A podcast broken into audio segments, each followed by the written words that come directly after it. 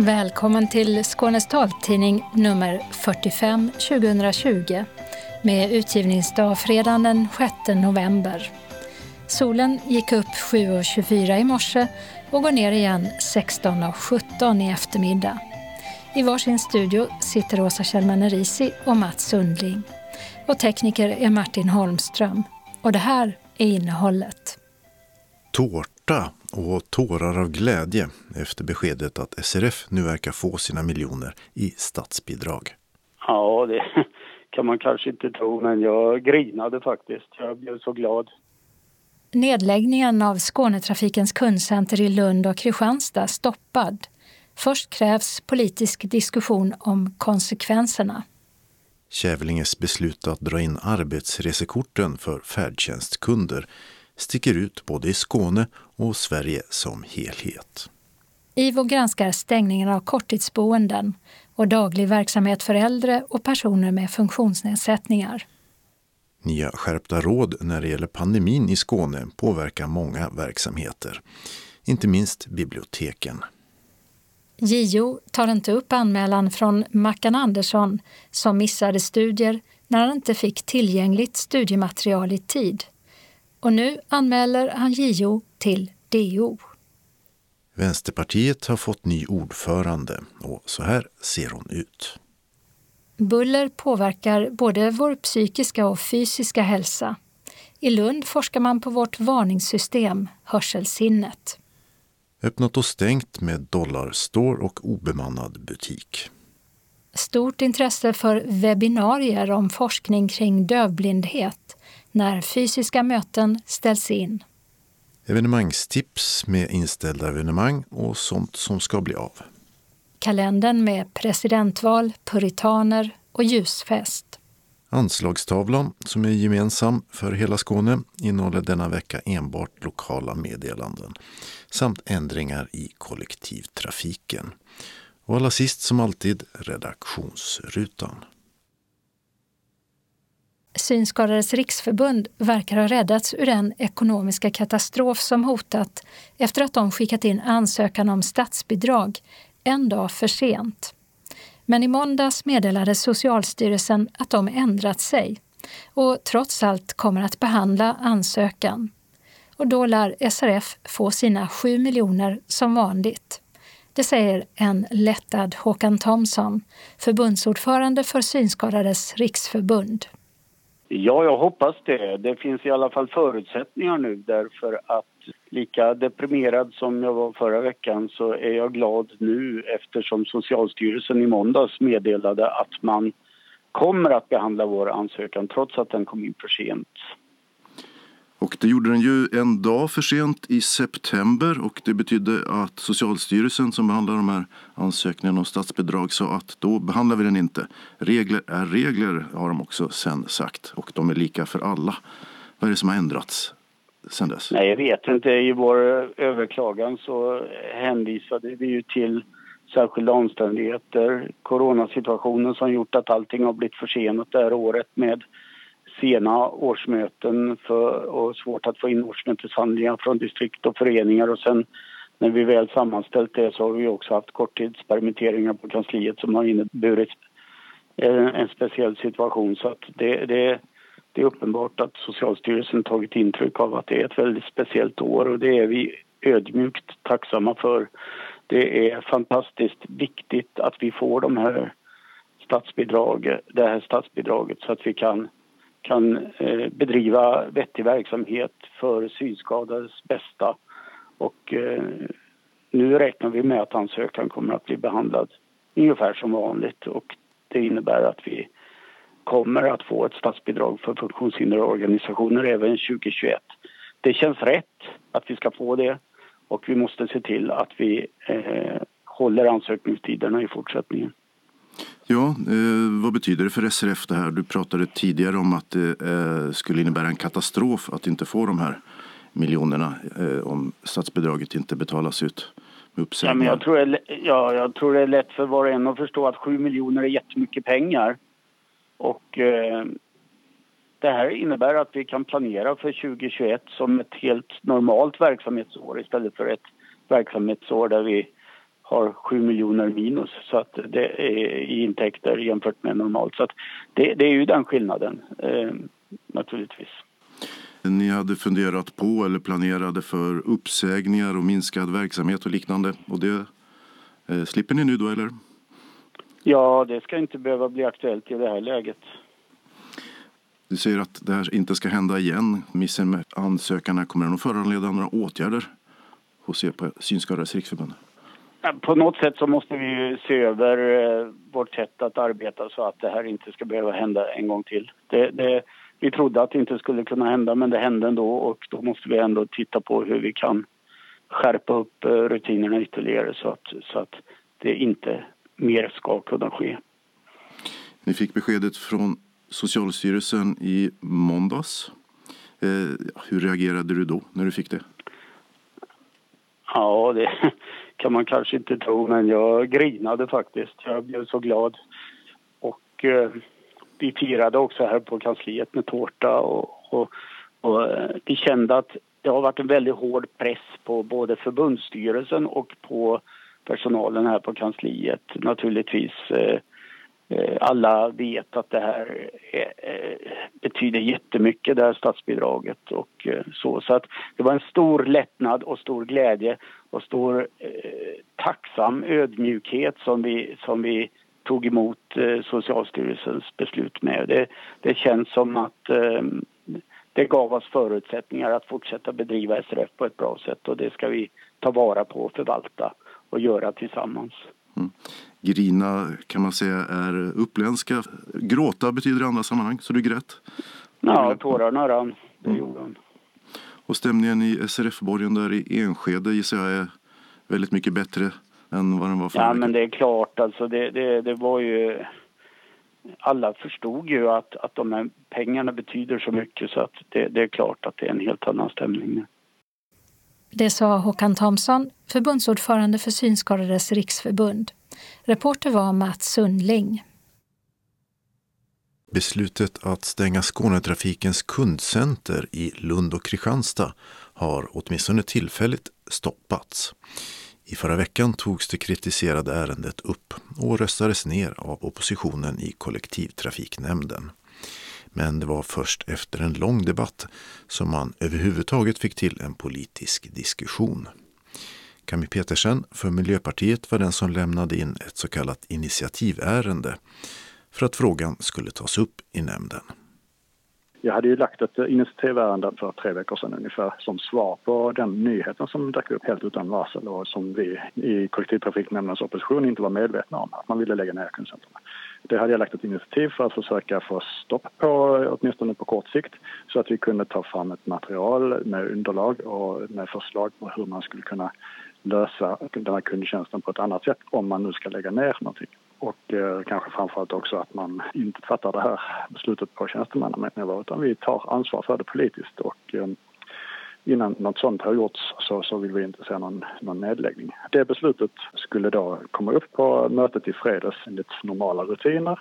Men när vi kom till mötet i fredags så eh, fanns det inget sånt på dagordning och vi fick eh, egentligen spendera en och en halv timme med att överhuvudtaget diskutera om vi fick lov att diskutera det här. Så min tolkning av det är ju att eh, man har försökt att eh, skjuta den här frågan så långt fram i tiden så att det blir omöjligt att, att hindra att man lägger ner det här utan diskussion. Och vad blev resultatet när ni till slut fick diskutera frågan då? Ja, då blev ju faktiskt beslutet så. Det kunde man ju faktiskt räkna ut eftersom vi menar på att det var, fanns en ganska tydlig bild av att det fanns en majoritet i, bland oppositionen då eh, för att inte gå vidare med det här hastiga beslutet utan att faktiskt ta en djupare diskussion politiskt om, om, om det här. Så att beslutet blev idag precis i enlighet med, med, med mina förslag att, att nu ska, ska det inte hända någonting utan det ska fattas ett politiskt beslut innan någonting händer. Vill Alliansen lägga ner kundcenterna så behöver de ta fram ett politiskt underlag som visar hur man ska lösa den här kundservicen på ett likartat sätt istället. Och det är ju mot bakgrund av att vi har ju förstått att man vill skjuta den här servicen till snabbköp och annat som, som redan finns på stationer. Men vi känner ju en stark oro för att den servicen inte kommer att vara alls lika bra. Alltså det är inte riktigt samma sak att stå med eh, ett komplicerat återkrav på en biljett när man har kanske någon som vill köpa två kex choklad i, i, bakom sig i kön så att säga. Och vi tror inte heller att det kanske är riktigt samma höga kompetens bland snabbköpspersonalen som det har varit bland våra egna kundtjänstpersonal. Så att säga. För det handlar ju inte minst också om möjligheten att ge support för alla de människor som har inte haft lika lätt att ta till sig den nya appen till exempel. Det har ju genomförts en väldigt stor förändring kan man säga innan coronapandemin här med en övergång till digitala betalningsmedel och eh, digital kundtjänst genom en app där man köper i princip biljetterna. Och även om det är så att 80 av eh, alla våra resenärer har tagit till sig det här och uppskattar den så är det fortfarande 20 som inte gör det och som, som köper sin biljett på annat sätt. Och vi tycker inte att man kan, man kan hantera den minoriteten så pass ansvarslöst så att man bör avveckla eh, den kundtjänst och den försäljningsmöjlighet som finns till buds för, för de grupperna. Och när beslutet om att man skulle stänga Skånetrafikens kundcenter i Lund och Kristianstad kom och som hade tagits på tjänstemannanivå då kom det som en överraskning för såväl kommunpolitiker, SRF och andra intresseorganisationer samt oppositionen i Skånetrafikens egen kollektivtrafiknämnd. Och den moderata ordföranden i kollektivtrafiknämnden, Karina Sackau, säger att nu blir det rörigt eftersom kundcentrenas lokaler redan är uppsagda. Eh, man stoppade beslutet så tillvida att det ska komma tillbaka till nämnden den 27 november. Eh, dels med en utredning hur vi har tänkt oss eh, det istället för eh, fysiska kundcenter men också för ett politiskt beslut. Däremot så är ju lokalerna fortfarande uppsagda och personalen är i omställningsförfarande. Så att det är lite rörigt just nu kan jag säga. Och till när är lokalerna uppsagda? Den 31 mars nästa år. Ärendet fanns inte med på dagordningen. Varför fanns det inte med på dagordningen? Vi hade på förra nämndsammanträdet eh, tagit ett beslut att de här ärendena skulle beredas av våra tjänstemän. Och eh, vi var inte färdiga med den beredningen fullt ut. Eh, och det är vi egentligen inte nu heller utan underlaget kommer ju till nästa nämnd. Och det var det, av det skälet som ärendet inte var uppe. Bland oppositionen så finns det ju tankar om att, att man hade velat ta det här utan någon politisk diskussion och att det var anledningen. Nämnden har ju gett ett delegationsbeslut eh, som trafikdirektören och förvaltningen har. Och i det ingår just en, en del av den interna budgeten som förvaltningen faktiskt har på delegation att göra. Den andra delen är ett beslut som vi tog i eh, maj månad där vi i nämnden gav ett uppdrag till trafikdirektören att genomföra kostnadsreduceringar och intäktsökningar för att kunna möta det underskottet vi har med anledning av corona. Och eh, i det beslutet var Alliansen och Sverigedemokraterna eniga. Däremot så reserverade sig Socialdemokraterna och Miljöpartiet. Men då, hade man ju inte, då visste man ju inte vilka frågor det i så fall skulle kunna handla om. Nej, nej. Och det, det var det beslutet som togs då vid det tillfället. Det, det, och det är ju samma sak med en delegation. Eh, alltså har man delegation på att fatta de besluten så är det inte så att det behöver lyftas till nämnden först för att avgöra utan man följer ju det, den delegationsordning som finns i så fall. Men ett sånt här ärende som att man då tar bort kundcenter, är inte det en typisk politisk fråga som man borde diskutera politiskt? Det är, ju helt uppenbart att det tycker man nu, men eh, det finns ju alltid frågor som man kan ifrågasätta och säga ska de här upp till en politisk beredning eller inte? Om du själv suttit i opposition, hur hade du reagerat om samma sak hade hänt dig fast på andra hållet så att säga? Ja, det är ju en del av, av politiken. Det är ju vår affärsidé att eh, givetvis eh, inte tycka detsamma som styret. Så jag hade troligtvis agerat precis på samma sätt om jag hade varit i opposition. Det är en, eh, en populistisk fråga och jag förstår att oppositionen driver det på detta viset. Det är ju en fråga som är viktig för väldigt många människor också.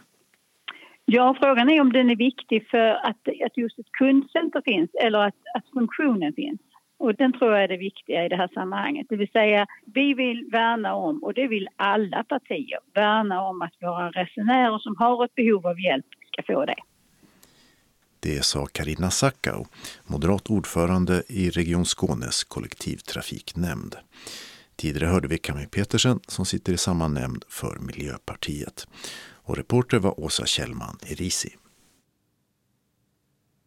Som vi berättade i förra veckans nummer av taltidningen så planerar Kävlinge kommun att dra in de så kallade arbetsresekorten som ger subventionerade resor till jobbet med färdtjänst för personer med funktionsnedsättning.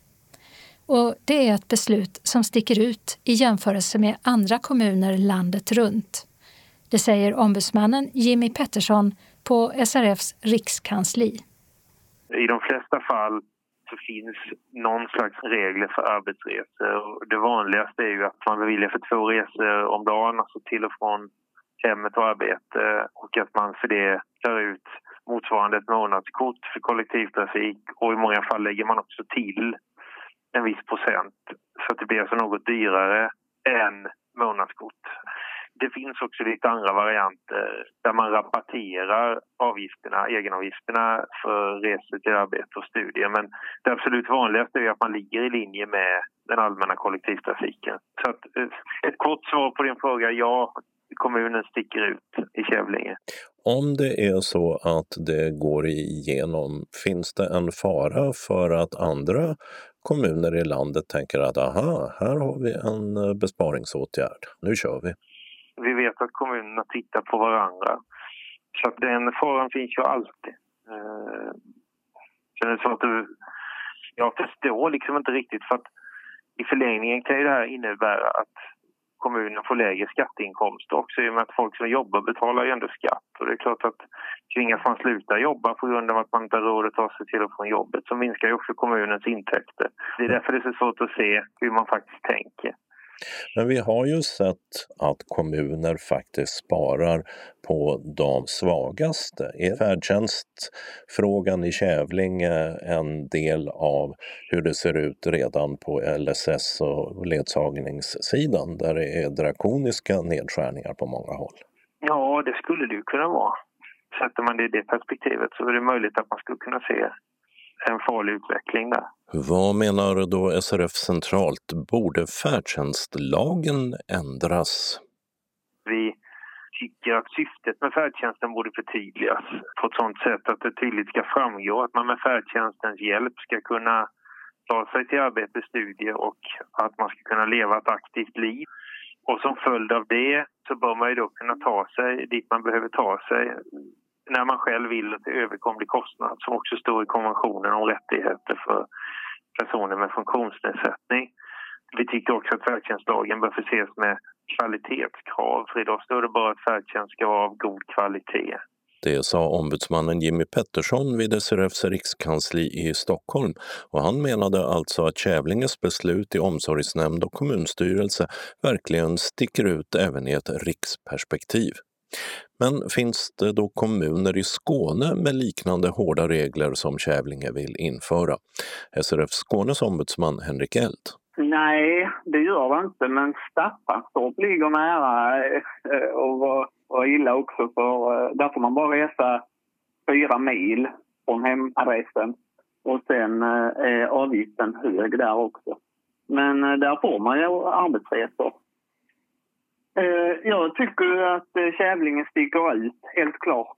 För att eh, dels är, har de väldigt höga egenavgifter och sen så nu då så, eh, så ska man inte få eh, några periodresor för att åka till arbete och studier. Det blir väldigt kostsamt. Hur agerar SRF Skåne inför kommunfullmäktigesammanträdet i Kävlinge den 9 november då beslut ska fattas i frågan om indragning av arbetsresekort i färdtjänsten med hänvisning till att färdtjänstkunder dels kan söka merkostnadsersättning, dels göra skatteavdrag? Henrik Eld igen. Jag har inte sett det som eh, fruktsamt att kontakta tjänstemän i kommunen. För eh, de har ju bestämt sig för att så här ska det nya regelverket se ut. Det har ju klubbats både i omsorgsnämnden och i kommunstyrelsen. Och då föreslår man kommunfullmäktige att fatta beslut att anta det här nya regelverket.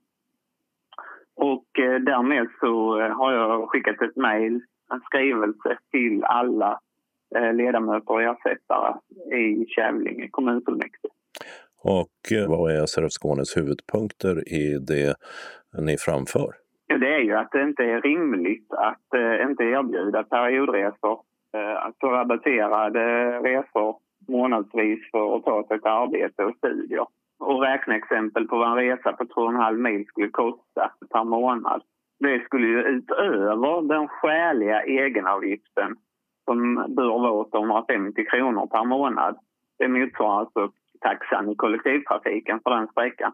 Så skulle det kosta efter skatteavdrag 2 390 kronor i månaden. Och det tycker Kävling att vi ska söka från Försäkringskassan som merkostnadsersättning. Och det utrymmet finns ju inte. Vi har ju redan merkostnader på grund av vår funktionsnedsättning. Och taket är 2759. På en resa till arbetet eller studierna på, på 2,5 mil så skulle nära 90 procent av eh, den merkostnadsersättning som går att söka från Försäkringskassan gå till arbetsresan. Och har du hunnit få några reaktioner från ledamöterna på det här utskicket? Eh, nej, det är ingen som har hört av sig tillbaka. Det sa SRF Skånes ombudsman Henrik Eld. Och vi hörde även en av hans kollegor på riksplanet, Jimmy Pettersson. Och reporter var Dodo Parikas. Coronapandemin har fått till följd att många kommuner stängt dagliga verksamheter och korttidsboenden. Både i våras och nu igen när pandemin skjutit fart. Nu ska Inspektionen för vård och omsorg, IVO, göra en nationell undersökning för att se vilka konsekvenser det inneburit för äldre och funktionsnedsatta. Det rapporterar Sveriges Radios ekoredaktion. Statistik som IVO presenterade i september visar att många personer med funktionsnedsättning och äldre inte har fått de omsorgsinsatser som de har rätt till inom tre månader. Vi förstår ju situationen att man försöker underlätta så att inte äldre med flera sjukdomar i botten ska drabbas av covid. Men man kan ju inte ha stängt hur länge som helst. Det säger Kajsa Kull, inspektör på IVO till Ekoredaktionen. IVOs granskning syftar till att se hur kommunerna har säkerställt att äldre och personer med funktionsnedsättning ändå har fått den omsorg som de har rätt till. Smittspridningen i samhället har ökat kraftigt även den senaste veckan. Enligt de allt mer omfattande coronarestriktionerna och råden i Skåne rekommenderas bland annat att vi ska undvika kollektivtrafik i möjligaste mån, inte sitta fler än åtta personer tillsammans på restaurang och med minst en meters avstånd och inte besöka museer eller bibliotek. Situationen är allvarlig. Vi måste alla hjälpas åt för att skydda de äldre och se till att vi inte får fler som avlider i covid-19, säger Mattias Waldeck, biträdande smittskyddsläkare och uppmanar även de som inte tillhör en riskgrupp att följa de skärpta råden i Skåne. Genom att undvika att bli smittad kan du hjälpa till att bidra till att minska risken att andra blir smittade. Och den där andra, det kan vara undersköterskan som jobbar inom hemtjänsten eller i sjukvården, säger Waldeck. Medan regiondirektör Alf Jönsson uppmanar alla att ställa sig frågan om vi verkligen måste gå in på köpcentret, gå på after work, fest eller fysiskt jobbmöte. Måste du? Vad kan du avstå? Det är de frågor Region Skåne ställer i en bildkampanj till de som bor och vistas här. Bilderna föreställer trängsel på en buss, folk i ett köpcenter, många kring ett bord på en kurs och tätt dansande glada människor. Hur ser det då ut i praktiken? När det gäller till exempel biblioteken i Skåne så håller många helt stängt. Andra har begränsat öppettiderna eller infört restriktioner som krav på avstånd, begränsning av antal besökare eller avstängning av sittplatser. Malmö stadsbibliotek hör till dem som valt restriktionsvägen men fortfarande håller öppet, medan biblioteket i Båstad finns bland dem som stängt ner helt, förutom för talboksbeställning per telefon. Vi hör Stina Knutsson som bland annat arbetar just med talböcker i Båstad. Vi har stängt nu fram till den 17, liksom många andra bibliotek. Vilket är väldigt sorgligt. Det står folk utanför och vill komma in och vi får inte släppa in dem. Hur gör ni med uh, talbokslåntagarna? Det fungerar precis som vanligt. Jag har ju ett 20-tal personer som jag skickar böcker till och de har jag personlig kontakt med. Antingen ringer de mig när de behöver något eller så ringer jag upp dem och frågar vad de vill ha. Ibland skickar jag utan att ha pratat med dem någonting jag absolut tror de vill ha. Så det är ingenting som har eh, förändrats nu när ni har stängt när det gäller de som du har kontakt med, men ni har också en hylla med uh, talböcker. Vi har en, eh, en hylla och där har jag lite dålig koll för det är ju anhöriga som kommer in och lånar för det mesta då. De sköter sig själva. Men om man vill eh, komma åt eh, någon av de här böckerna, kan man höra av sig till eh, biblioteket? Det går bra att ringa till Båstad bibliotek 77088. Om du tittar generellt på hur coronan har påverkat din arbetssituation och talbokslåntagarnas, det låter ju som att det inte är så stor skillnad mot vanligt. Jag kan väl se att det är ett lite större behov, att många lyssnar mer. De är mer ensamma och behöver mer att lyssna på helt enkelt. Behöver de prata mer när de ringer upp också? Ja, så kan det också vara. Och jag försöker ge alla en liten stund av allmän prat. Det sa Stina Knutsson som jobbar med talböcker på biblioteket i Båstad där man alltså håller helt stängt efter de nya coronaråden. På Malmö stadsbibliotek ser det annorlunda ut, berättar bibliotekarien Maria Sandelin, känd för våra läsare som talbokstipsare. Vi har öppet, vi har våra vanliga öppettider men vi har vissa begränsningar i servicen. Och vi har infört en maxgräns. Max 50 personer får vistas inne på stadsbiblioteket samtidigt. Och då har vi en vakt utanför som helt enkelt räknar så att det inte blir mer än 50 besökare helt enkelt. Tanken är att eh, som besökare så ska man gå in och uträtta sitt ärende ganska snabbt och sen gå ut. Alltså, biblioteket är ingen mötesplats just nu. Det är det som är den stora skillnaden. Förstås om det är någon som behöver en stol när man väntar på färdtjänst eller liknande, då får man det naturligtvis. Men vi har tagit bort stolarna för att man inte ska uppehålla sig så länge på biblioteket. Och hur är läget för eh, talbokslåntagare som vill besöka Malmö stadsbibliotek? De kan fortfarande komma hit och få hjälp som vanligt. Det är ingen skillnad. Och märker ni av att det är fler som ringer till talbokstelefonen nu? Nej, det har inte varit någon synbar ökning av samtalen till talbokstelefonen. Det berättade bibliotekarien Maria Sandelin på Malmö stadsbibliotek.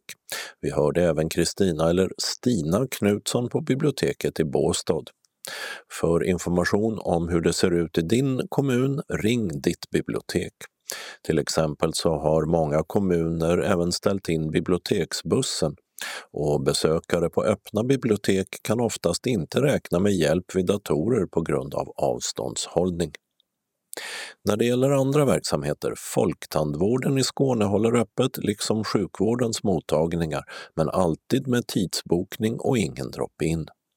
På en del håll rekommenderas inte besök på särskilda boenden och vissa kommuner har stängt sina badhus, däribland Trelleborg, Ystad och Lund, medan till exempel Hyljebadet i Malmö och Simhallsbadet i Helsingborg har öppet.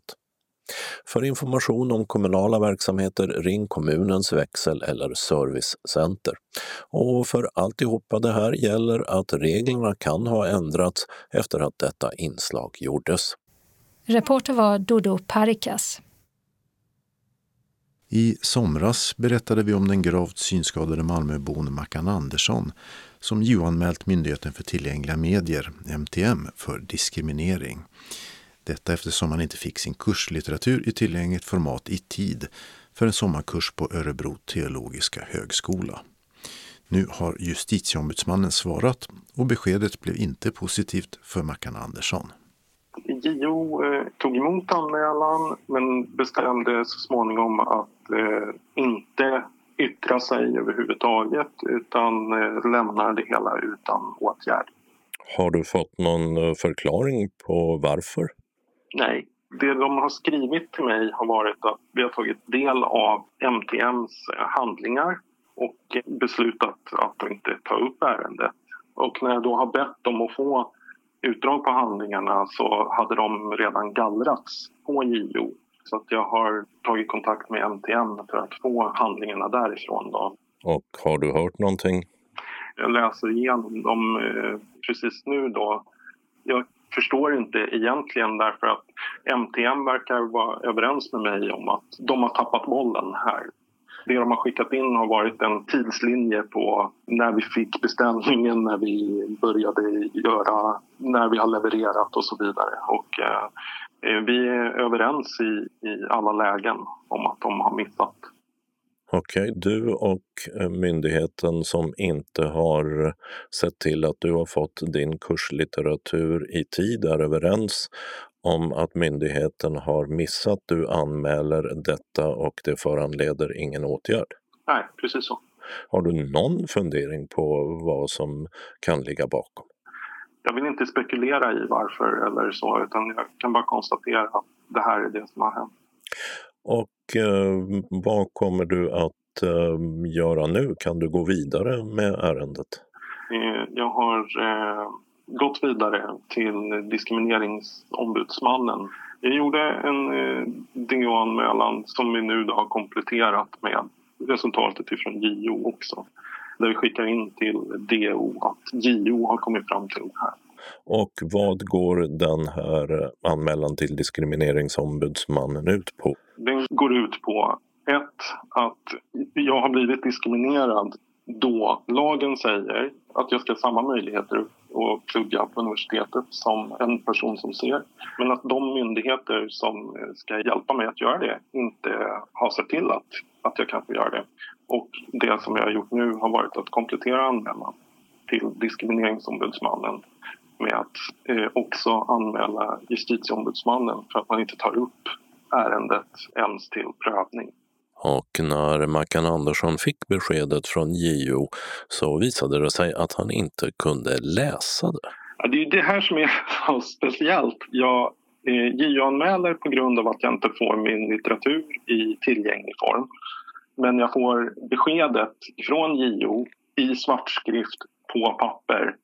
Så trots att vi haft en, en kommunikation via mejl, ett för mig tillgängligt format, så lämnar man beskedet i ett otillgängligt format. Det är därför som jag ser det här som diskriminering. Inte enbart för att man väljer att inte ta upp ärendet utan att man väljer att kommunicera på ett inte tillgängligt sätt det, är inget roligt att känna sig som en, en, en sur eh, farbror som anmäler alla till höger och vänster. Men jag upplever att det här är ett viktigt ärende. Det är många som har varit i kontakt med mig som säger att de är med om samma sak. Alltså att de inte kan genomföra sina kurser på, på universitetet på grund av att MTM är långsam överlag. När min kollega Birgitta Fredén intervjuade MTMs representant i somras så menade MTM att de inte får så mycket klagomål direkt ifrån brukare som behöver litteratur utan då fick de höra talas om namninsamlingen som skedde. Vad tycker du om det svaret? Jag vet bara vad jag själv hör av människor som tar kontakt med mig efter att de har hört om den här berättelsen på Skånes taltidning eller på andra sätt. Så jag, kan inte, jag vill inte säga någonting mer än så. Jag är övertygad om att MTM gör ett fantastiskt jobb massa lägen. Men här är en del av deras verksamhet där de regelmässigt uppfattar jag tappar bollen. Vi har sökt JO för en kommentar och föredragande i ärendet, Lovisa Kronstedt, meddelar ett mejl till taltidningen att JO i normalfallet inte behöver motivera avskrivningsbeslut och att hon tyvärr inte har möjlighet att göra det i detta fall heller. Reporter var Dodo Parikas. Och I löpsedeln på vår hemsida finns länkar till två inslag från i somras om denna JO-anmälan och MTMs produktion av tillgänglig kurslitteratur. Vänsterpartiet har fått en ny partiledare, 35-åriga Nooshi Dadgostar, som efterträder Jonas Sjöstedt. Det var i helgen som hon enhälligt med siffrorna 218-0 valdes till ny partiledare av Vänsterpartiets kongress. Men hur ser hon då ut? Ja, hon har långt mörkbrunt hår som räcker en bra bit nedanför axlarna. På bilderna är det sällan uppsatt utan hänger fritt och är ofta kammat i en sidbena som hon ibland har på ena, ibland på andra sidan och ibland även en mittbena. En klädsel som återkommer är kavaj, skjorta och byxor. Hon har bruna stora ögon med markerade ögonbryn och en ganska bred mun med fylliga läppar. Nooshi Dadgostar är född i Ängelholm men växte upp i Norrköping. Hon började sin politiska bana i Ung Vänster på Hisingen i Göteborg i slutet av 90-talet. Dadgostar har varit talesperson för partiet i socialförsäkringsfrågor och även vice partiordförande. I riksdagen har hon suttit sedan 2014. Hörselsinnet är vårt mest grundläggande varningssystem som aldrig sover. När ljudvågor träffar hörselorganet i form av höga ljud, som vi upplever som buller, förändras innerörats hårceller och det kan ge nedsatt hörsel. Men även vår fysiska och psykiska hälsa påverkas av buller. Emelie Stro är forskare inom området arbets och miljömedicin. Jag bodde precis vid tågstationen i Lund ett tag och när jag hade flyttat dit, alltså godstågen kom ju på natten. Jag vaknade med hjärtat i halsgropen och var fullkomligt chockad. Alltså jag visste inte vad som hände för plötsligt låter det ju huset skakar i stort sett liksom. Men efter någon vecka eller så, så sov jag ju igenom det på nätterna. Så hjärnan har ju lärt sig att jag behöver inte vakna men det är fortfarande så att min hjärna kommer reagera och jag kommer få sämre sömn utav det. Jag heter Emelie Strå. Eh, jag är forskare eh, vid arbets och miljömedicin vid Lunds universitet och tillika koordinator för ljudmiljöcentrum, också det vid Lunds universitet. Nu står vi i entrén här till Lux och det som låter mest här det är en sån här liten apparat där man kan trycka ut godis och lite mm, choklad. Mm, ja. ja. vi tänker nog inte ofta på det men vi har ju väldigt många sådana apparater runt omkring oss som bidrar till det här bakgrundsljudet som vi befinner oss i konstant. Lite tystare miljö på ditt arbetsrum då? Något, gudskelov. Vad är buller för någonting? Ja, det är inte en helt lätt fråga för det är ju någonting som kan variera väldigt mycket från person till person. Eh, och definitionen för buller eller störande eh, buller bygger på att det är ett oönskat ljud eh, som man blir utsatt för under en längre tid. Och det här kan ju som sagt variera från person till person vad man upplever som ett störande ljud. Lite beroende på vad man faktiskt hör och dels vad man har för känslor för det här ljudet. Men den absolut vanligaste källan till bullerstörning för större majoriteten av oss är ju trafikbuller från vägtrafik och spårtrafik och flyg. Men något som väldigt många störs av också är buller från grannar till exempel eller buller från eh, alla dessa elektriska apparater vi har runt omkring oss. Till exempel är ljudet från en diskmaskin 45 decibel. Ljudtrycksnivån som träffar vårt hörselorgan mäts i decibel, där höga decibeltal är starka ljud och högt ljudtryck. Ljudets frekvens anger ljudvågor per tidsenhet. Bindprassel är ungefär 35 decibel och normal samtalston 60 decibel. Skulle man stå någonstans in i centrala Malmö med mycket trafik och bussar och annat, då ligger man ju kring ja, 75 decibel. Och när börjar det bli skadligt för eh, hörselorganet? Rent fysiskt för själva öronen eh, så har vi ju smärttröskeln som ligger kring 120-140 decibel. Och då, då blir trycket, de här ljudvågorna som fortplantar sig i luften, de blir så starka så då riskerar faktiskt trumhinnan att rent fysiskt gå sönder. Eller ta sönder något av de här små benen som är oerhört känsliga för de här ljudvågorna. Eh, sen är det ju så att ljud eh, påverkar oss ju fysiskt, alltså kroppsligen. Vi får förhöjt blodtryck, vi blir stressade, vi, det finns högre risk för att drabbas av stroke, eh, diabetes och annat. Eh, och det bygger ju på att eh, de här ljudvågorna gör att man, blir, man stressar kroppen psykiskt. Hjärnan måste koncentrera sig eh, och det höjer stressnivåerna i kroppen, kortisol och annat. Och om man då är utsatt för detta under en längre tid så har man ju förhöjda Eh, stresshormoner i kroppen, vilket är skadligt. Och när den här eh, typen utav eh, stressfaktor sätter igång, vid vilka ljudnivåer det har att göra med. Det beror lite på vad det är för typ av ljud, hur känslig man är och hur länge man är utsatt för det. Det finns evidens för att detta kan börja redan ner vid 50 decibel, vilket ju är under normal samtalston. Om man tänker sig att man sitter ett gäng och, och, och pratar och man pratar i munnen på varandra, men så kan man ändå fokusera på vad en person säger. Hur fungerar det rent fysiologiskt? Ja, men det är väldigt intressant för det är ett väldigt tydligt exempel på hur, eh, hur mycket hjärnan faktiskt påverkar det vi hör. Eh, och det är ofta något man glömmer bort för man tänker att det är öronen som gör att vi hör men det är ju egentligen faktiskt hjärnan som gör att vi hör. Och då finns det någonting som kallas för cocktail-effekten. Då är det så att min hjärna kan faktiskt sända signaler till snäckan i örat som gör att dess fysiologi ändras för att kunna fokusera precis, för att höra dig bättre och särskilja ljudet från dig i den här stimmiga miljön. Så det är rätt fascinerande faktiskt.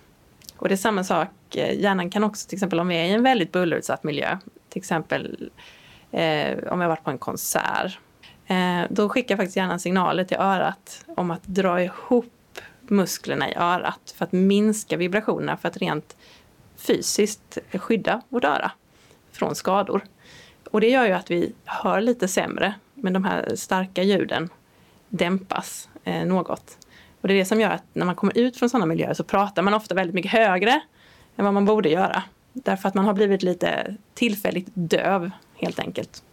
Under pandemin har vissa ljud blivit mer sällsynta. Till exempel hör man inte flygplansljud lika ofta. Men stadens brus finns kvar. Och på vägen till intervjun med Emelie Strå så passerar jag lasarettsområdet. På baksidan av en byggnad dundrade en fläkt och strax intill pågick arbetet med att lasta syrgastuber på en truck. Hej! Hur upplever du buller? vilka ljud tycker du är obehagliga? Jag reagerar inte så mycket på dem faktiskt, för jag är van vid dem. Ja, det är ifall det är höga smällar, alltså sådana plötsliga smällar så kan det ju bli en reaktion, men annars så bara liksom mullrar det i öronen ändå och det har man vant sig vid. Här har jag varit cirka 20 år. Så det, man vänjer sig så småningom. Ja. Nej, för jag, tog, jag tog ljud på den här eh, fläkten här bredvid. Ja, ja, ja. ja. ja den stör inte överhuvudtaget. Det är så litet ljud så det märks inte. Det är så mycket trafik här ändå. Vad heter du? Mikko. Ja, Mikko och jag har helt olika upplevelser av fläktljudet. Så kan man vänja sig vid den här typen av ljud? Eh, jo, men det kan man. Hjärnan är väldigt duktig på att kompensera för den här typen av buller. Så att vi kanske inte riktigt blir med, är medvetna om att vi är bullerexponerade. Så att det är först när buller försvinner som man helt plötsligt upplever att oj, vad det är kylskåpet bullrade eller datorn eller var det fläkten eller vad det nu var. Så att även om vi inte är medvetna om den här bullerexponeringen så är det ju så att hjärnan är medveten om den och försöker hela tiden kompensera för eh, den här ljudnivån som vi utsätts för, för att kunna höra annan information, tal eller ljud som är viktiga för oss. Till exempel om det kommer en bil bakom oss eller någon ropar en varning eller höra... Det har blivit ett problem i vissa stora städer att man hör inte grön gubbe, de här ljudsignalerna längre. Ja, och utsättas för buller i arbetslivet är den vanligaste orsaken till hörselskador. Och trots att det finns vetenskapliga belägg för att buller ger negativa hälsoeffekter hamnar inte akustiken högt upp på agendan vid samhällsplanering, säger Emelie Strå.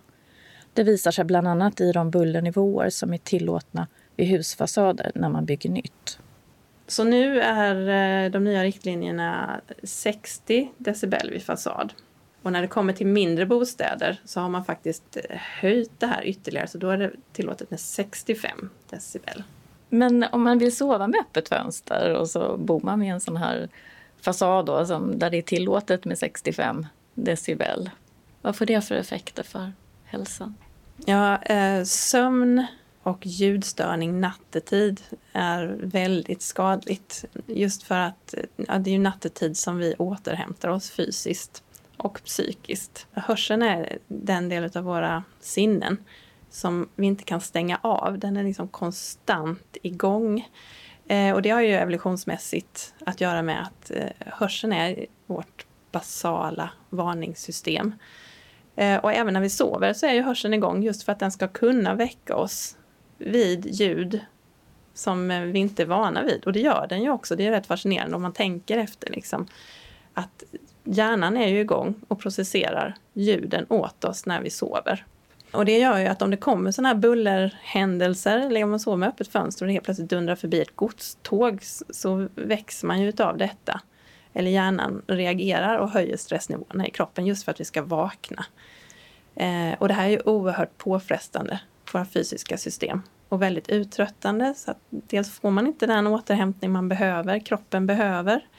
Eh, och det leder ju till att man blir, man blir trött, eh, man eh, fysiskt och psykiskt. Man presterar sämre dagen efter och är det här under en lång period så blir det ju dålig prestation under en lång tid. Eh, de här ökade kortisolnivåerna i kroppen eh, har man också sett, eh, och det är en pågående forskning kring detta, med att det höjer risken för till exempel typ 2-diabetes, hormonella rubbningar och faktiskt fetma också. Vad kan man själv göra då för att skydda sig från det här bullret som hela tiden finns runt omkring oss i olika former? Vi har gjort vissa kartläggningar där vi försökt titta på tysta miljöer, var vi har tillgång till dem. Och bor man i storstadsområden, ja, stadsområden, så de är utrotningshotade dessa miljöer. Även stora parker in i städer, det är väldigt sällan det är helt tyst. Man måste ut ganska långt ut från städerna för att kunna uppleva tystnad, tystnad från trafikljud då. Så att man kanske försöker ha det så tyst som möjligt, ha eh, i sitt sovrum just för att förbättra den typen av återhämtning. Och skydda sin hörsel. Det är väldigt populärt att gå med eh, hörlurar och speciellt sådana här hörlurar som man stoppar in i öronen och det är väldigt skadligt för hörselorganen i sig. Sen tror jag det är viktigt att man bara medvetande görs eh, om att eh, ljud i alla dess former är något som hjärnan hela tiden måste processera. Och det är ju bra att gympa sin hjärna men alltså den behöver även tid för återhämtning. Emelie Stro, arbets och miljömedicinforskare vid Lunds universitet, intervjuades av Anki Vänster. Och vi ska tillägga att Lux, som nämndes i inslaget, är en gemensam byggnad i Lund för institutioner inom de humanistiska och teologiska fakulteterna. Öppnat och stängt. Mellan Revingeby och Södra Sandby har det öppnats en obemannad livsmedelsbutik som heter Rakans automat. Affären ligger vid Revingerakan och adressen är Revinge 247 92 Södra Sandby. Öppettiderna är mellan 05 till 23 alla dagar. I Kristianstad har anrika konditori Duvander öppnat filial inne på Åhléns. Adressen är Östra Storgatan 63. Och I Kristianstad har den danska smörrebrödsförsäljaren Ricke Linds verksamhet Lilla Matvagnen flyttat in på Östra Storgatan 51 där frisören Lilla Paris tidigare höll till. Och trots att själva vagnen nu är borta så är namnet fortfarande Lilla Matvagnen.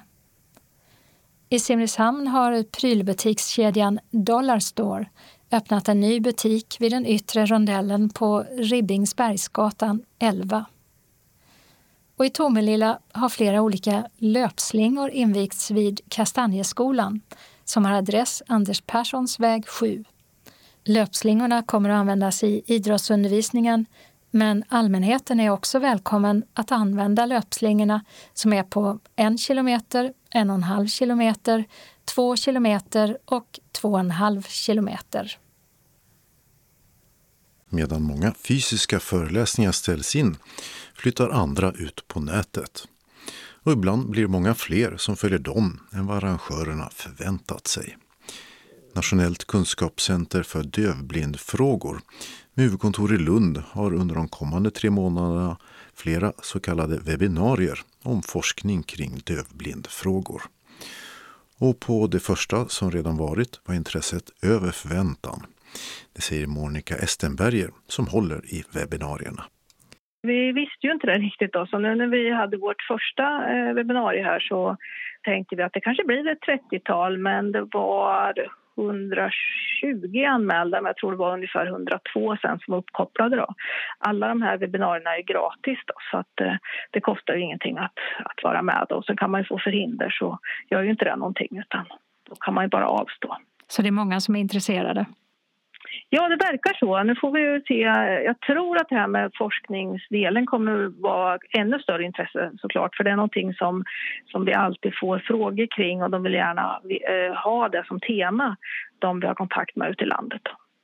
Under året så brukar Nationellt kunskapscenter för dövblindfrågor ha ett antal seminarier. Men på grund av den pågående pandemin så ställer man liksom många andra verksamheter in de fysiska mötena och flyttar ut på nätet. Föredragen på webben de textas också. Och man vänder sig till flera olika grupper. Vi vänder oss till egentligen alla som, är, som har intresse av det här. Då. Men vårt eh, främsta uppdrag är att vi riktar oss till professionella då, ute i landet. Men eh, sen kan det vara personer själva som till exempel i det här fallet till exempel Ushers syndrom eller det kan vara anhöriga eller ja, andra som kan ha intresse av att följa med vad som händer inom eh, dövblindområdet. Och de här olika webbseminarierna, vad är det de handlar om? Eh, dels så har vi precis haft ett tillfälle och eh, det är en serie av tre delar då vi eh, pratar om det här med eh, medfödd dövblindhet och kommunikationsutveckling. Och eh, så handlar det om det här med, med taktilt språk. Vad är det? Det, var, det heter det första avsnittet. Och sen har vi två delar till och sen är det ett antal forskningswebbinarier också som nu fortsätter här under hösten och in i januari. Och det kan man väl säga är det lite senaste när det gäller forskning. Och eh, då handlar det framför allt kring det här med förvärv av dövblindhet. Och det första forskningswebbinariet är den 26 november. Och först ut är Mattias En, psykolog och doktor i handikappvetenskap, vars forskning vi har tagit upp i tidigare reportage här i Skånes taltidning. Och hans föredrag handlar om livsstrategier, arbete och hälsa vid Uschers syndrom. Den 3 december är det arbetsterapeuten och doktoranden vid Örebro universitet, Elin Lundin, som pratar om äldre personer med både syn och hörselnedsättning. Det handlar till exempel om olika diagnoser, behandling och rehabilitering.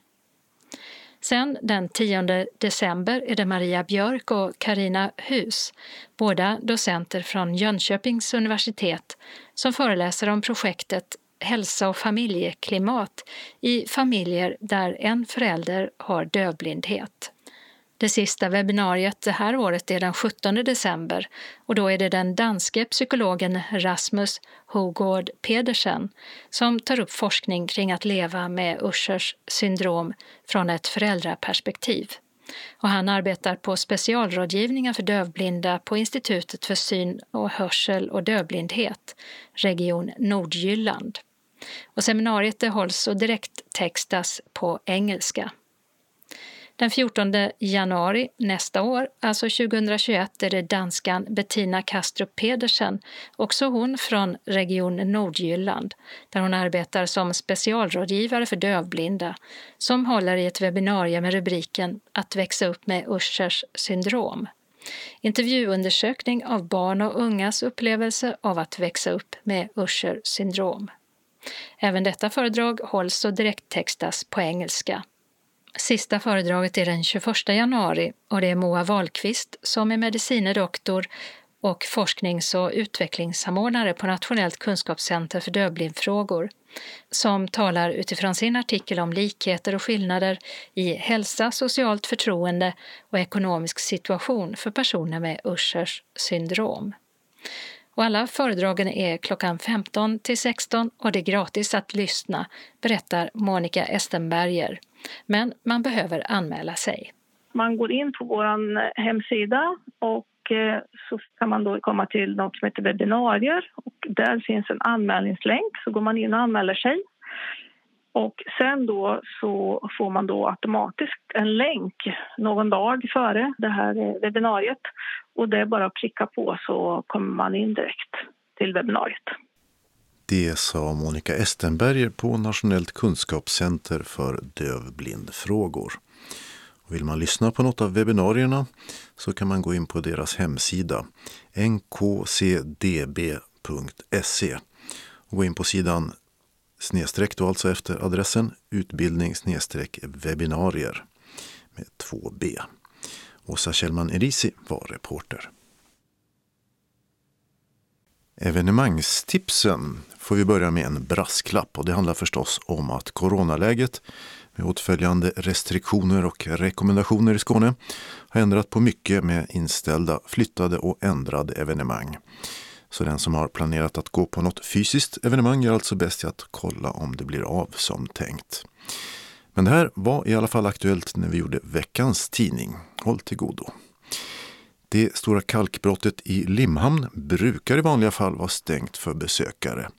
Men går emot strömmen och öppnar för guidade turer för barn, i alla fall vid fyra tillfällen framöver. Där man under sakkunnig ledning får stifta bekantskap med geologin, djuren och naturen.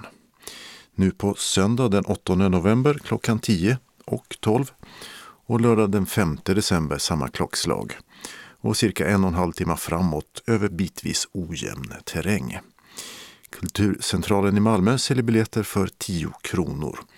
Och föräldrar får följa med i mån av plats, men däremot inte hundar för djurens skull. Samling vid grinden vid Hammars park 10 minuter innan och adressen är Limhamns kalkbrott, Kalkbrottsgatan 114 i Limhamn. Malmö symfoniorkester, MSO, kan avnjutas alldeles gratis. Hemifrån eller annan valfri plats. Via webben då alltså. Konserten MSO Live, Mozart gånger 3, är en timme lång och startar klockan 19 torsdag den 12 november. På programmet står ouvertyren till operan La Clemenza di Tito, eller Titus mildhet, Sinfonia Concertante för viola och violin samt Mozarts 35 symfoni. Och torsdagen därpå, den 19 november samma tid, spelar MSO stycken av Bedich Smetana, Anton Webern och Antonin Dvorak. Och den 26 november blir det plats på scen för Tonelas Svan av Jean Sibelius, Mstislav Weinbergs trumpetkonsert samt Johannes Brahms Haydn-variationer.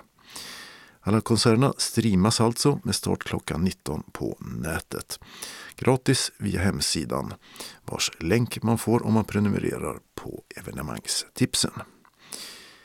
Till biblioteket i Tomelilla skulle resetidningen Vagabonds grundare Per J. Andersson kommit den 11 november för att tala om sin bok Ta tåget.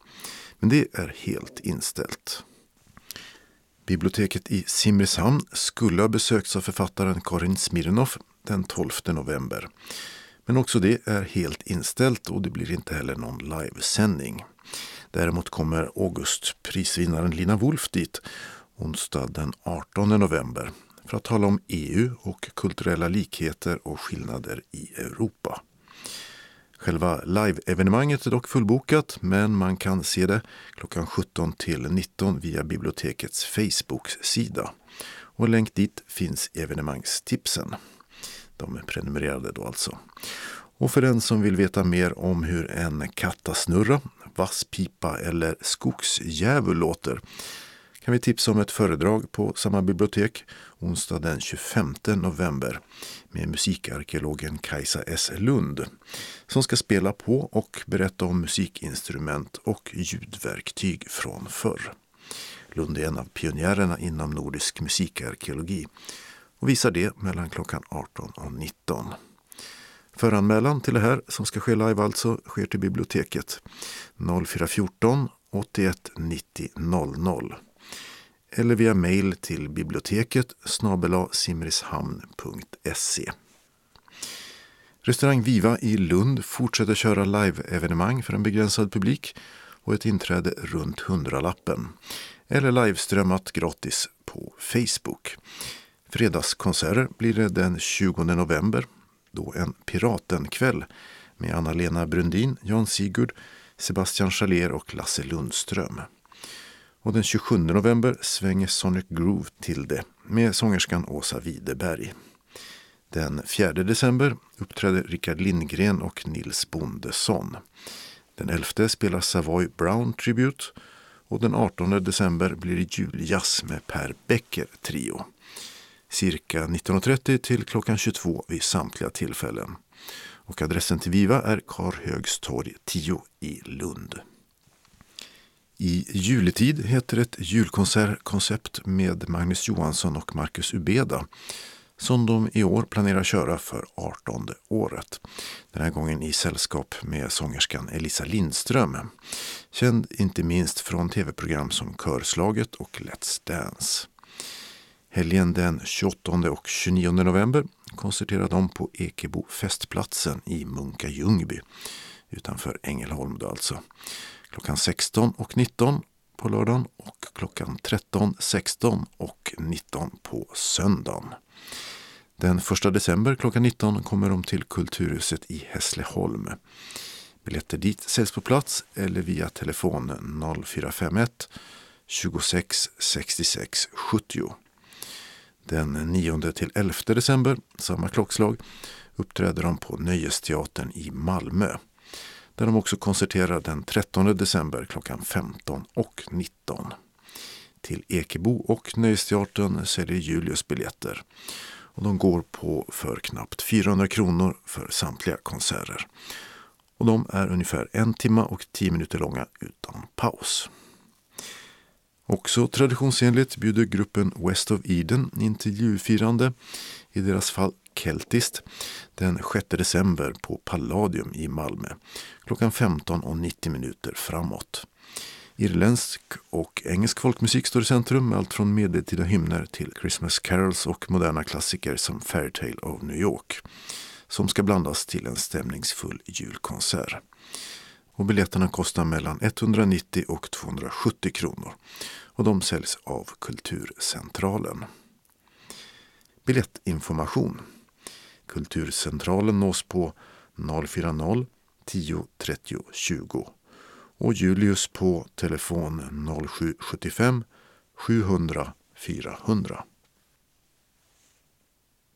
Kalendern för vecka 46 börjar med måndag den 9 november då Theodor och Theodora har namnsdag.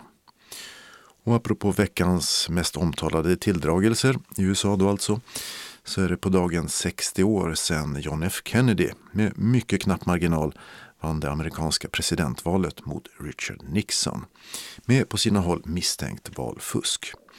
Kennedy var med sina 43 år yngst någonsin och dessutom den första katoliken på ämbetet.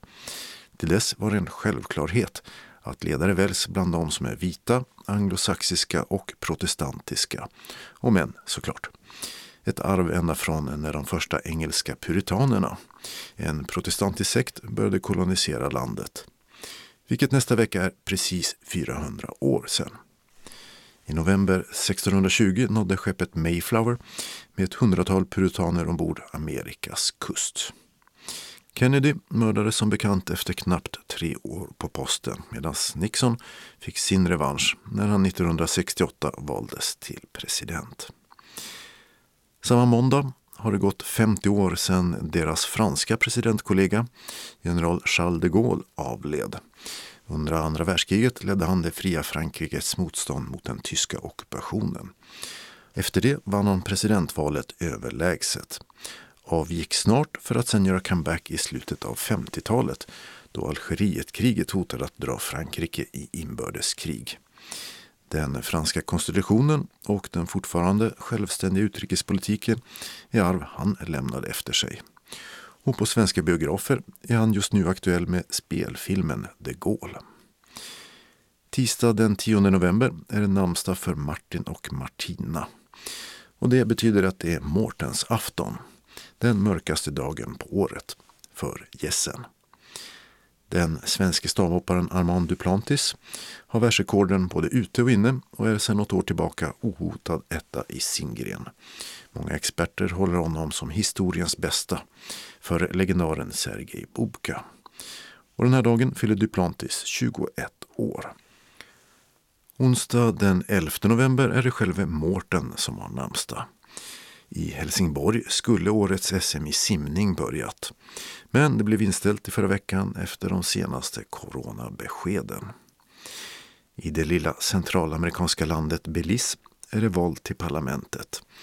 Och det konservativa partiet UDP hoppas på att få fem år till vid makten. Belize har en befolkning lite större än Malmös och skiljer sig från grannländerna genom att engelska är det största språket. Landet är med i det brittiska samväldet och att det är en fungerande demokrati. Torsdag den 12 november börjar Sydasiens populäraste festhelg Diwali då hinduer och sikher över hela världen firar ljusets seger över mörkret och godhetens över ondskan. För den som tycker att det låter bra är det bara att tända en smörlampa, en eld eller varför inte ett fyrverkeri och så välkomna lyckans gudinna Lakshmi med lite god mat och presentutdelning på det.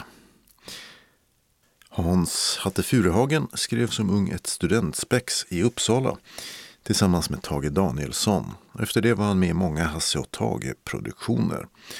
Och han blev också historiker av facket med böcker och radio och tv-produktioner bakom sig om framför allt antiken. Nu fyller Hatte 90. Bättre att brinna upp än att sakta blekna bort. Ja, det sjöng den kanadensisk-amerikanska artisten Neil Young i den här låten från 1979.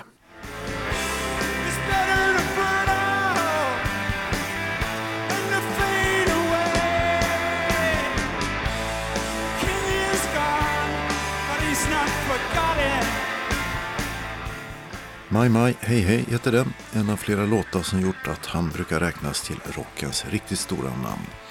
Neil Young, sedan länge halvdöv av den extrema ljudvolymen på sina konserter, fyller nu 75 år. Och några planer på att blekna bort har han inte. Young har lovat att turnera så länge han lever. Namnsdag denna dag har alla Konrad och Kurt. Fredag den 13 november är det Christian och Christer som har namnsdag. För på dagen fem år sedan gick IS-jihadister till attack mot en fotbollsarena, flera kaféer och konserthuset Bataclan i Paris. 130 människor, varav 90 på Bataclan, dödades i de samordnade attackerna. Lördag den 14 november firar vi Emil och Emilia. Det är också världsdiabetesdagen sedan 1991. En FN-dag som vill uppmärksamma alla som lever med sjukdomen eller riskerar få den. Och det brukar ske med till exempel olika seminarier landet runt. Den 14 november är vald för att Frederick Banting föddes det datumet. Han upptäckte tillsammans med två kollegor insulinet och dessutom en metod att tillverka det så att diabetes fick en effektiv behandling. 2021, alltså nästa år, har det gått 100 år sedan upptäckten och 98 sedan den belönades med Nobelpris. Det svenska herrlandslaget i fotboll spelar denna lördag hemmamatch mot Kroatien i Nations League. Och eftersom svenskarna har noll poäng så här långt så får de inte förlora, för då åker de ner i B-divisionen. Portugal och Frankrike toppar tabellen och de sistnämnda möter Sverige den 17. Och i österrikiska Leck är det dags för årets andra världscuptävling i alpin skidåkning. Söndag den 15 november avgörs presidentvalet i Moldavien som beläget mellan Rumänien och Ukraina brukar kallas Europas fattigaste. Den sittande och starkt proryska presidenten Igor Dodon står emot den tidigare premiärministern Maja Sandu som lovat föra landet närmare västvärlden. Den första valomgången vann hon med några procentenheter. Och så spelas sista omgången i årets damallsvenska som Göteborg leder i talande stund. Skånska Rosengård har fortfarande chans att gå om, men då ska allt gå deras väg. Inklusive i den här dagens sista match hemma mot Växjö. I kyrkans almanacka är det söndagen före domsöndagen och namnsdag det har Leopold. Anslagstavlan med lokala meddelanden börjar med ett meddelande från SRF Lundabygden som bjuder in till kulturafton onsdagen den 18 november. Då väntar teprovning med Andreas Vidén mellan klockan 18 och 21. Välkommen in från höstmörkret och njut av en varm kopp te. Du får prova några olika sorter som Andreas berättar om och vi serverar läckra scones och en kaka. Detta i föreningslokalen Tordönsvägen 4 i på Klostergården i Lund. Din avgift blir 50 kronor. Din anmälan behöver vi ha senast den 11 november. Hjärtligt välkomna! SRF Lundabygden får sedan besök av Seniorshop fredagen den 20 november klockan 13. Missa inte chansen att få koll på modet och möjligheten att förnya din garderob. Carita kommer till föreningslokalen och visar upp årets höst och vintermode. Du får även möjlighet att prova kläderna i lugn och ro och samtidigt få Caritas proffsiga råd och tips om vad som passar just dig. På grund av rådande pandemi är antalet deltagare begränsat till 15 personer. Så boka in ert deltagande så fort som möjligt. Carita tar emot max två personer i taget och hon använder både handsprit samt munskydd och visir om så önskas. Vi serverar en läcker sallad samt kaffe och en kaka. Din avgift blir 50 kronor. Det kommer även att finnas möjlighet att köpa vin till självkostnadspris. Cecilia håller i arrangemanget som värdinna och hon kan nås på 070 640 11 23. Din anmälan hit behöver vi ha senast den 13 november. Anmälan sker till kansliet på telefon 046 211 06 74 eller så e-postar du till srfkansli.lundabygden bredband.net. Hjärtligt välkommen! SRF Malmö Svedala har en annons om aktiviteter under vecka 46. Välkomna till SRF Malmö Svedalas dagverksamhet. Vi serverar kaffe och smörgås eller kaka till en kostnad av 10 kronor. Vi vill att alla anmäler sig till kansliet på telefon 040 25 05 40 om man tänker komma på någon av dagaktiviteterna. Senast klockan 10 samma dag som aktiviteten. Känner man sig sjuk så stannar man hemma. Måndagen den 9 november klockan 13 till 15 är det tidningsläsning och frågesport. Tisdagen den 10 november klockan 13 till 15 bingo. Och styrelsen för Synskadades förening SRF Malmö Svedala kallar härmed till föreningsmöte. Mötet kommer att hållas måndagen den 30 november klockan 18 per telefon på grund av covid-19. Anmäl dig till kansliet eller mejla till info srfmalmo.se senast måndagen den 16 november. Efter anmälan skickas ytterligare information om telefonmötet. Verksamhetsplan och budget för 2021 ska fastställas. Vill du ta del av förslag till verksamhetsplan och budget så tala om det när du anmäler dig. Hjärtligt välkommen hälsar styrelsen. SRF Malmö Svedala har också en hälsning till er som beställt 2021 års almanacka. Almanackorna finns på SRF Malmös kansli för avhämtning och det medföljer ett inbetalningskort men det går också bra att swisha till nummer 123 077 8050. Vänligen ring kansliet innan du hämtar din almanacka. SRF Västra Skåne, före detta Helsingborg Höganäs, har ett meddelande till alla sina medlemmar i Helsingborg, Höganäs, Landskrona och Svalöv om ett månadsmöte tisdagen den 10 november klockan 14. Sista anmälningsdag är fredagen den 6 november till kansliet klockan 12. Telefonen är 042 15 83 93 eller mejl srf Vastra Skane srf.nu. Och månadsmötet kommer att äga rum som en telefonkonferens med särskilt telefonnummer och deltagarkod, vilket erhålls vid anmälan per telefon eller via mejl. Skynda dig att anmäla ditt intresse då antalet platser är begränsat till 27. Välkomna! Vi har några ändringar i kollektivtrafiken som påverkar både den regionala och lokala kollektivtrafiken.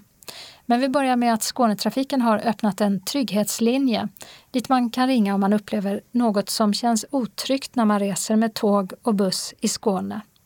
Telefonnumret till Trygghetslinjen är 0771 87 87 87 och det är öppet dygnet runt, året runt.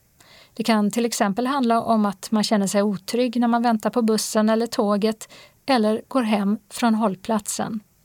Och det här är ett testprojekt som kommer att utvärderas under 2021. Ett arbete med hållplatsanpassning på Österleden i Ystad har förlängts till den 1 december. Linjer som berörs är 392 och 570 när hållplatsen Jaktpaviljongsvägen läge A och B flyttas cirka 15 till 20 meter framåt i bussens färdriktning. I Kristianstad kommun är det ett asfalteringsarbete i Hammar som påverkar linje 545, 551 och 558 och som pågår till den 12 november klockan 16. Hållplatser som påverkas är hållplats Nosabyvägen, läge A, som stängs och resenärerna hänvisas till en tillfälligt hållplatsläge som ligger cirka 100 meter bakåt motsatt bussens färdriktning på Blekingevägen, väster om korsningen med Stenskeppsvägen. Även hållplats Nosabyvägen, läge B, stängs. Resenärer hänvisas till ett tillfälligt hållplatsläge som upprättas cirka 50 meter framåt i bussens färdriktning på Blekingevägen väster om korsningen med Stenskeppsvägen. Även på Tvedegårdsvägen i Kristianstad påverkar ett asfalteringsarbete inom hållplatsområdet busstrafiken på linje 1 fram till den 9 november klockan 16. Hållplatser som påverkas är hållplats Gamlegården, läge A, som stängs och påstigande resenärer hänvisas till ett tillfälligt hållplatsläge som upprättas på Tvedegårdsvägen cirka 20 meter västerut. Avstigande resenärer hänvisas till det permanent stängda hållplatsläget B i sydöstlig riktning på Tvedegårdsvägen som tillfälligt återöppnas. Sen har vi en trafikomläggning på Lönnvägen i Östra Grevie. Det här påverkar regionbusslinje 144 och 379. På grund av ett vatten och avloppsarbete stängs hållplats Östra Grevie station, läge A och B, av från och med idag den 6 november klockan 9 till den 9 november klockan 16. Bussarna får en ny ändhållplats på Östra Grevie folkhögskola på Gamla landsvägen cirka 260 meter i sydöstlig riktning. I Malmö är det ett omfattande arbete med bland annat ombyggnad av hållplatser och beläggningsarbeten som innebär att en del av Bergsgatan och Södra Förstadsgatan stängs av mellan korsningarna med Carl Gustavsväg och Spångatan. Och det här gör man i två etapper. Och det är den andra etappen som endast berör södergående trafik som börjar den 9 november och håller på fram till den 11 december. Linjer som berörs är 34, 100, 130, 131, 132, 133, 134, 138, 142, 146, 148, 150, 151, 169, 171 174 och Skåneexpressen 8. Och hållplatser som stängs är Stadshuset läge A och läge I, Barkgatan läge A, Möllevångstorget läge A, Spångatan läge A, Södervärn läge B och C. För information om ersättningshållplatser så kan man kontakta Skånetrafiken på telefon 0771 77 77 77. Och det var allt för denna veckans Skånes taltidning och nästa nummer kommer ut fredagen den 13 november. Skånes taltidning ges ut av Region Skånes psykiatri och habiliteringsförvaltning. Ansvarig utgivare är Martin Holmström. Postadress Jörgen Ankersgatan 12, 211 45 Malmö. Telefon 040-673 09 70. E-post Skanes taltidning skane.se och hemsida skanestaltidning.se. Vi hörs igen. Hej då!